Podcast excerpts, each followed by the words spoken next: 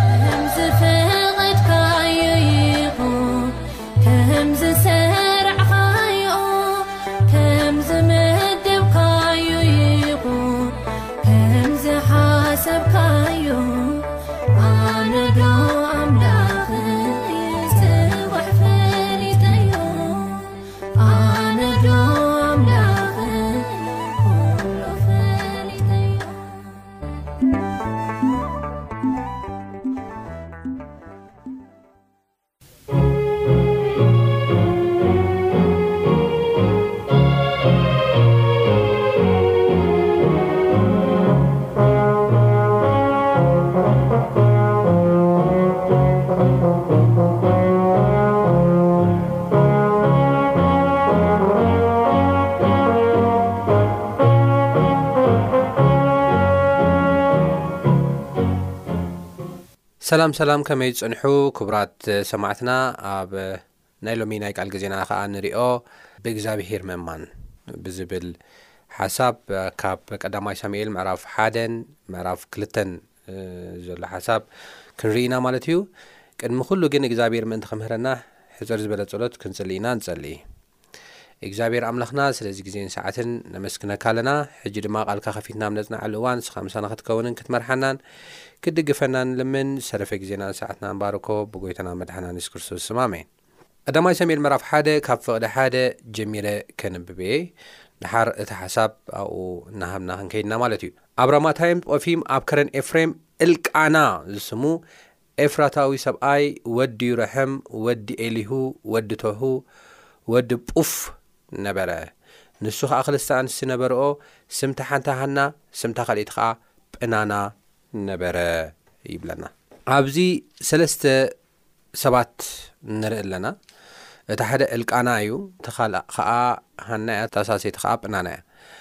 ናይዞም ሰለስተ ማንነት ንዓና ኣብ ህይወትና ዘምህሩና ዓበይቲ ነገራት ኣለዉ። ስለዚ ህይወቶም ምርኣዩ ኣገዳሲ እዩ ዝኸውን ማለት እዩ። እልቃና ካብ ናይ ሌዋውያን ነገድ እዩ ነይሩ። ሃፍታምን ተጽዕኖ ፈጣርን ሰብ እዩ ነይሩ። ልዕሊ ኹሉ ግን እግዚኣብሄር ዝፈርሕ ሰብ እዩ ነይሩ።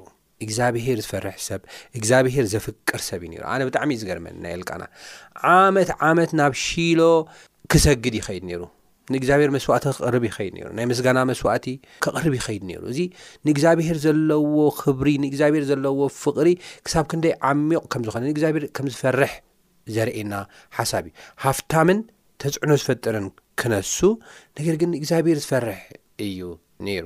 ኩሉ ካብ እግዚኣብሔር ከም ዝተዋህቦ ዝኣምን ሰብ እዩ ነይሩ እሞ ኣዝዩ ዝገርም ዓይነት ስብእና ዘለዎ ሰብ እዩ እልቃና ማለት። እልቃና ናይ መጀመርያ ሰበይቱ ሃና እያ ነይራ ምኽንያቱ ኣብዛ ጽሑፍ እዚኣ ኼንና ኣብ ንርእየሉ እዋን ንሱ ክልተ ኣንስቲ ነበርኦ ምስ በለ ስም እታ ሓንቲ ሃና ወይ ድማ ስም እታ ቀዳመይቲ ማለት እዩ ስም እታ ቀዳመይቲ ሃና እያ ነይራ እታ ቀዳመይቲ ሃና እያ ነይራ ነገር ግን ሃና እግዚኣብሄር ማህጸና ዓጽዩ ስለ ዝነበረ ውላድ ኣይነበሮምን። ሃና ኸኣ ሕጉስቲ ስለ ዘይኰነት እቲ ገዝኦም እውን ሓጐስ ክመልእ ስለ ዘይከኣለ ወላ እሱ ዕጉስ ተዀነ ወላ እሱ ዝርድኣ እንተዀነ ንሱ ኬር ዝገብረላ እኳ እንተዀነ ንሃና ግን ሓጎስ ክመልእ ስለ ዘይከኣለ ምናልባት ኮን ዶ ኾን ብዝብል ኢሉ ብስጋዊ መንገዲ ብስጋዊ ኣተሓሳስብኡ እንደገና ብናና ትበሃል ሰበይቲ ካልኤቲ ከም ዘእተወ ኢና ንርኢ። ኣብዚ ንሓዳሩ ዘለዎ ንሰበይቱ ዘለዎ ኣኽብሮት ዓቢ ምዃኑ ኣዝዩ ንዓና ዘምህረና ትምህርቲ እዩ።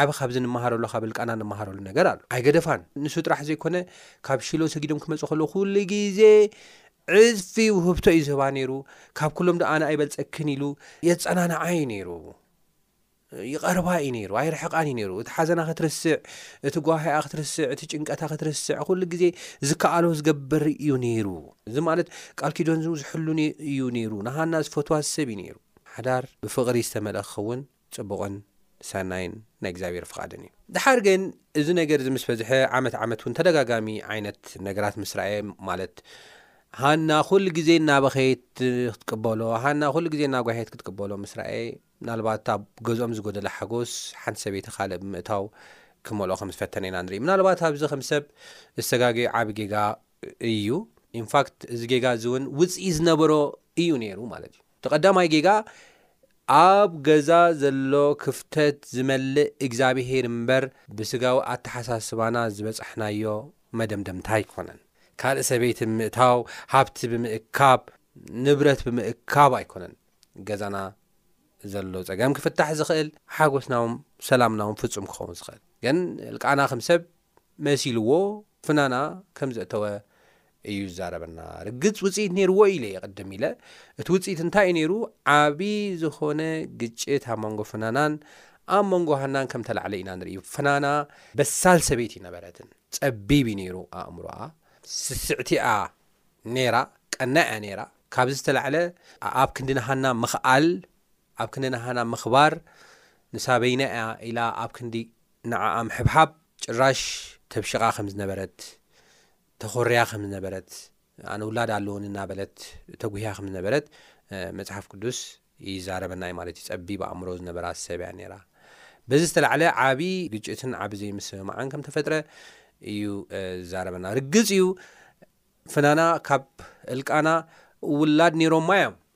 እግዚኣብሔር ብውላድ ባሪኽዋ እዩ ነገር ግን በሳል ሰበይቲ ኣይነበረትን ኣስተውዓሊት ኣይነበረትን ኢንፋክት ንፍናና ህልቃናውን ዘእትዎ ሃና ብጣዕሚ ይፈትዋ ስለ ዝነበረ ናሃና ምናልባት ውላድ ረኺባዶ ቆልዑት ረኺባዶ ትጸናናዕ ትኸውን ብዝብል ሓሳብ ይመስለኒ ምናልባት ዘይተጻሕፈ ነገር እኳ እንተኾነ ስለዚ በዚ መልክዕ እዚ ህልቃና ነቲ ኣብቲ ገዛ ዝተፈጥረ ግጭት ንኽፈትሕ ይጽዕር እኳ እንተነበረ ነገር ግን ክፈትሕ ከም ዘይከኣለ።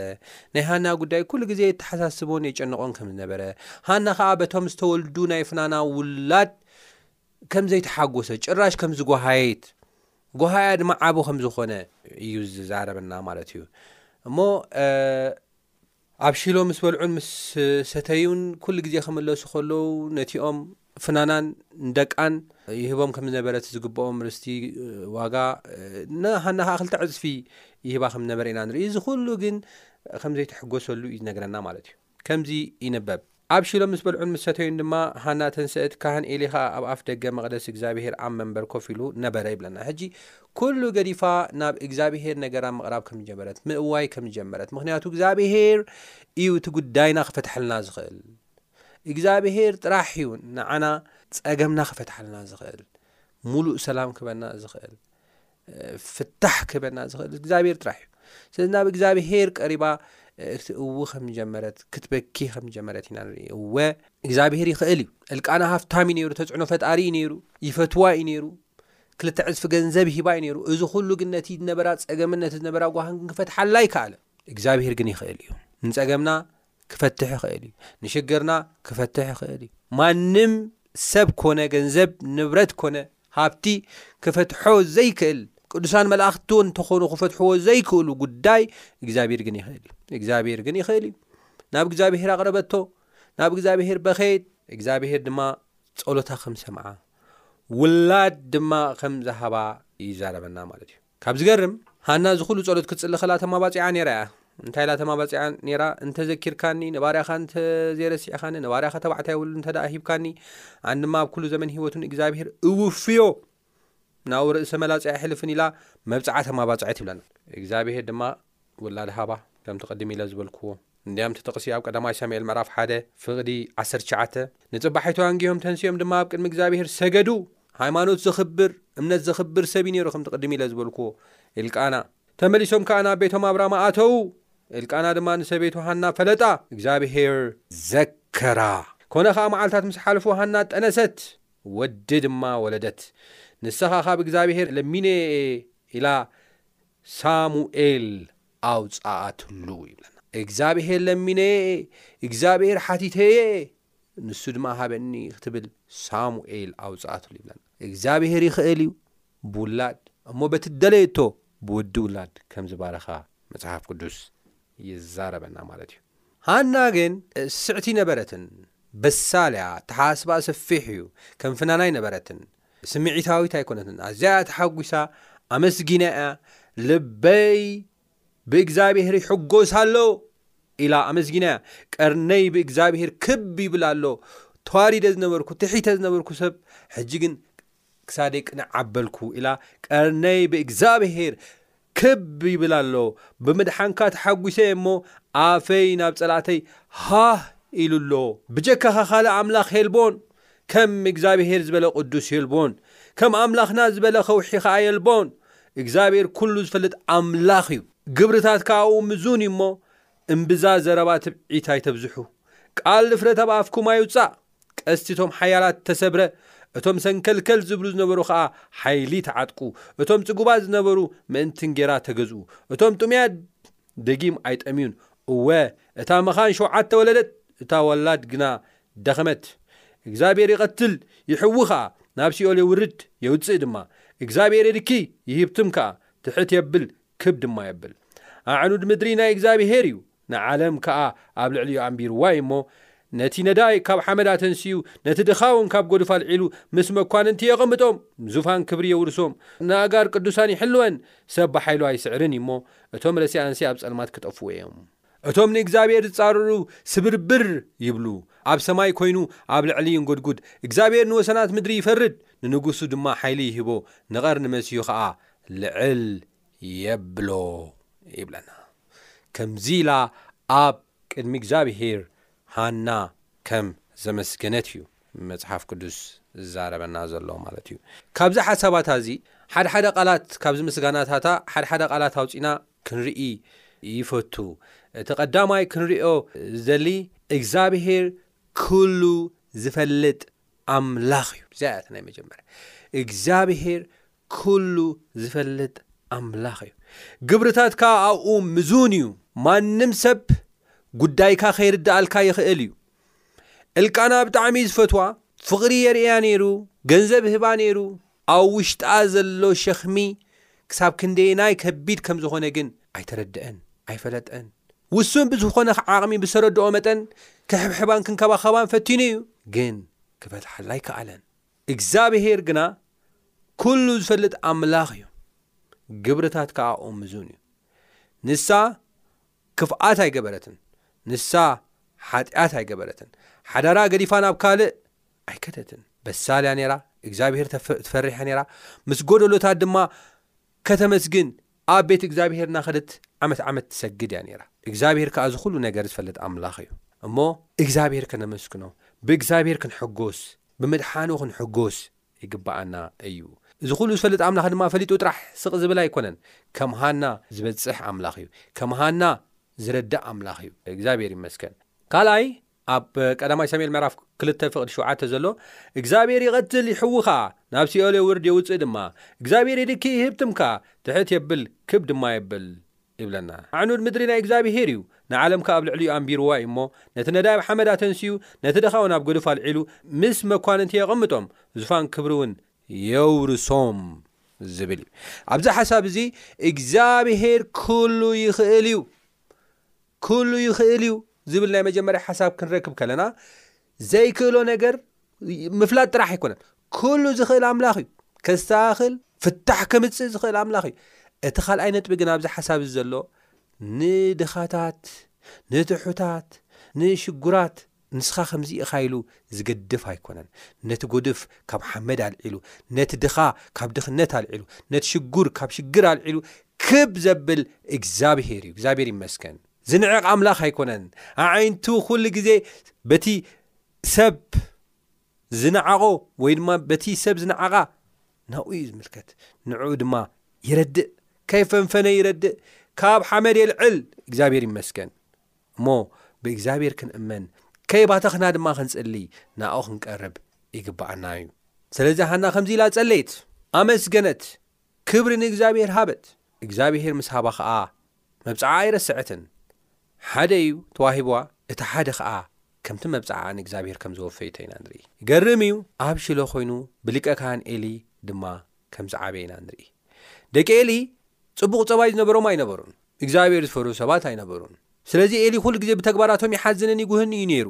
ነገር ግን፣ ሳሙኤል ወዲ ሃና ግን ኣዝዩ እግዚኣብሄር ዝፈርሕ፣ ምእዙዝ፣ ንኤሊን ንእግዚኣብሄርን ነቦኡን ንስድርኡን ኵሉ ደስታ ዝነበረ ሰብ ከም ዝነበረ እዩ መጽሓፍ ቅዱስ ዝዛረበና። ስለዚ በዚ መልክዕ እዚ ኤሊ ብደቁ እኳ ተሓዘነ፣ ብሳሙኤል ግን ኵሉ ግዜ ይሕጐስ ከም ዝነበረ፣ እግዚኣብሄር ድማ ከም ዝባረኾ እዩ መጽሓፍ ቅዱስ ዝዛረበና እሞ ክቡራት ሰማዕቲ ሎሚ እንመሃሮ ሰለስተ ዓበይቲ ነጥብታት ኣሎ እቲ ቀዳማይ እቲ ቀዳማይ ካብዚ እንመሃሮ ወይ እቲ ቀዳማይ ካብዚ እንሕዞ ነገር እንታይ እዩ እንተዳ ኢልና ብእግዚኣብሄር ምእማን እዩ ብእግዚኣብሄር ክንእመን ክንክእል ኣለና ነገራት እንተመልእልና ከም ኤልቃና ሃብትን ክብረትን እንተ መልኣልና፣ ንብረትን ናውትን እንተ በዝሓልና፣ ብእግዚኣብሄር ክንእመን ክንክእል ኣልና።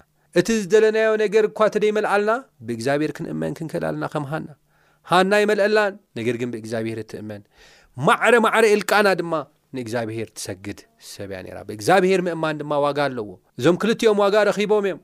ንሱ ድማ ንደስትኦም ዝኸውን ውላድ ንሓጎሶም ዝኸውን ውላድ፣ ፍሽኽታ ናብ ገዝኦም ክእቱ ዝኽእል ውላድ፣ ንሱ ድማ ሳሙኤል ረኺቦም እዮም። ብእግዚኣብሄር ምእማን ዋጋ ኣለዎ። ህይወት ኣለዎ። ሓጎስ ኣለዎ። ሰላም ኣለዎ። ስለዚ እታ ናይ ቀዳመይቲ ነጥቢ ብእግዚኣብሄር ምእማን እያ። እግዚኣብሄር ምፍላጥ እዩ። እዞም ሰባት እዚኦም እግዚኣብሄር ዝተኣመኑ ስቕ ኢሎም ኣይኮኑን። እግዚኣብሄር ኩሉ ዝፈልጥ ኣምላኽ ምዃኑ፣ ኩሉውን ዝኽእል ኣምላኽ ምዃኑ፣ ንድኻታት እውን ዘይንዕቕ፣ ንሽጉራት ድማ ዘይንዕቕ ኣምላኽ፣ ንዅሉ ጸገም ድማ መፍትሒ ዘለዎ ኵሉ ዝኽእል ኣምላኽ ምዃኑ ተረዲኦም ካብ ምፍላጥ ዝተላዕለ ኢዩ ነይሩ እምነቶም። ካብ ናይ እግዚኣብሄር ባህርይ ዝተላዕለ፣ ካብ ናይ እግዚኣብሄር ባህርይ ምርዳእ ዝተላዕለ ኢዩ ነይሩ እቲ እምነቶም። እዚ እምነት እዚ ድማ ከም ዝባረኾም ኢና ንርኢ ማለት ኢዩ። ካልኣይ ክንርድኦ ዘለና እግዚኣብሄር ብግዜ ዝሰርሕ ኣምላኽ እዩ። እግዝኣብሄር ብግዜ ዝሰርሕ ኣምላኽ እዩ። እግዝኣብሄር ኣብ ህይወትና ዝገብሮ ነገር ኩሉ ንዕላማ እዩ። ኣብዚ ሓሳብ እዚ እግዝኣብሄር ማህጸና ዓጽዩ ክነሱስ ይብለና። ስለዚ እግዝኣብሄር ንምንታይ ከምኡ ከም ዝገበረ ንሱ ባዕሉ ዝፈልጥ ጎይታ እዩ። ግን ንሰናይ ከም ዝኾነ ካብ ጽሑፍ ንርድኦ ኢና። ሃና በዚ መልክዕ እዚ ብሓቂ ናብ እግዝኣብሄር ብልቢ ናብ እግዚኣብሔር ክትቀርብ፣ ንእግዚኣብሔር ክትፈርሕ፣ ክብሪ እግዚኣብሔርን ምድሓን እግዚኣብሔርን ክትርኢ ገይርዋ እዩ። ስለዚ እግዚኣብሔር ኣብ ህይወትና ዝገብሮ ነገር ኩሉ ንሰናይ ከም ዝኾነን ብግዜኡ ድማ ከም ዝፈትሖን ዘርእየና ሓሳብ እዩ። ብግዜኡ ድማ ዝፈትሖን ከም ዝኾነን ኢና ንርኢ። ከይባተኽና ግን ንጸሊ፣ ከይባተኽና ግን ብኡ ንተኣመን። ብግዜ ዝሰርሕ ኣምላኽ እዩ። ኣብ ህይወትና ዝገብሮ ነገር ድማ ኩሉ ንሰናይ እዩ። ዝብል ድማ እቲ ካልኣይ ነጥቢ እቲ ሳልሳይን ናይ መወዳእታን ነጥቢ ድማ እንታይ ይብል እምብዛ ዘረባ ትዕቢት ኣይተብዝሑ እምብዛ ዘረባ ትዕቢት ኣይተብዝሑ ቃል ድፍረት ከዓ ኣብ ኣፍኩም ኣይውፃእ ይብለና ከም ፍናና ዘረባ ትዕቢት እነብዝሕ ከም ፍናና ጸበብቲ ኣእምሮ ክንከውን የብልናን ንዝተሸገሩ ሽጉራት ንዝሓሙ ሕሙማት ጭንቀት ንዘለዎም ከነጸናንዖምን ክንድግፎምን ከም ህልቀና እምበር ከም ፍናና እንጎድኦም ዘረባ እነብዝሕ ክንከውን የብልናን ምክንያቱ እዚ እግዚኣብሔር ኣየኸብርን እዩ ንዓና ውን ኣይሕጉስን ምክንያቱ ኣብዚ ሓሳብ እዚ ከይና ክንርኢ ከለና ደቂ ፍናና ኣብ ብፅቡቅ ገይሮም ዓብዮም ነቢያት ኮይኖም ዓብዮም ኣይብለናን እዩ ደቂ ሃና ግን ዓበይቲ ሰባት ከምዝኾኑ እዩ ዝነግረና ሳሙኤል ዓብይ ነቢ ከምዝኾነ እዩ ዝዛረበና እግዛብሄር ከም ዝባረኾ ኢና ንርኢ ደቂ ፍናና ግን ነው ሃው ውን የብልናን ኣይተጻሕፉን። ስለዚ ጎደሎና ክመልእ ዝኽእል እግዛብሄር እዩ እቲ ጎደሎ ዝመልእ እግዛብሄር ከኣ ግብርታት ኩሉ ይመዝን እዩ ግብርታት ዝመዝን ኣምላኽ ከም ምዃኑ ከኣ ንሕና ንዝተጎድኡ ክንሕግዝ እምበር እንጎድእ ሰባት ክንከውን የብልናን ንእግዛብሄር ደኣ ክንልምን ክንክእል ኣለና ስለናን ስለ ካልኦትን ክንማልድ ክንክእል ኣለና እዚ ክንገብር እምበኣር እግዛብሄር ጸጉኡ የብዝሓልና ኣብ ዝቕጽል ብኻልእ ክሳብ ንራኸብ ሰላም ኩኑ።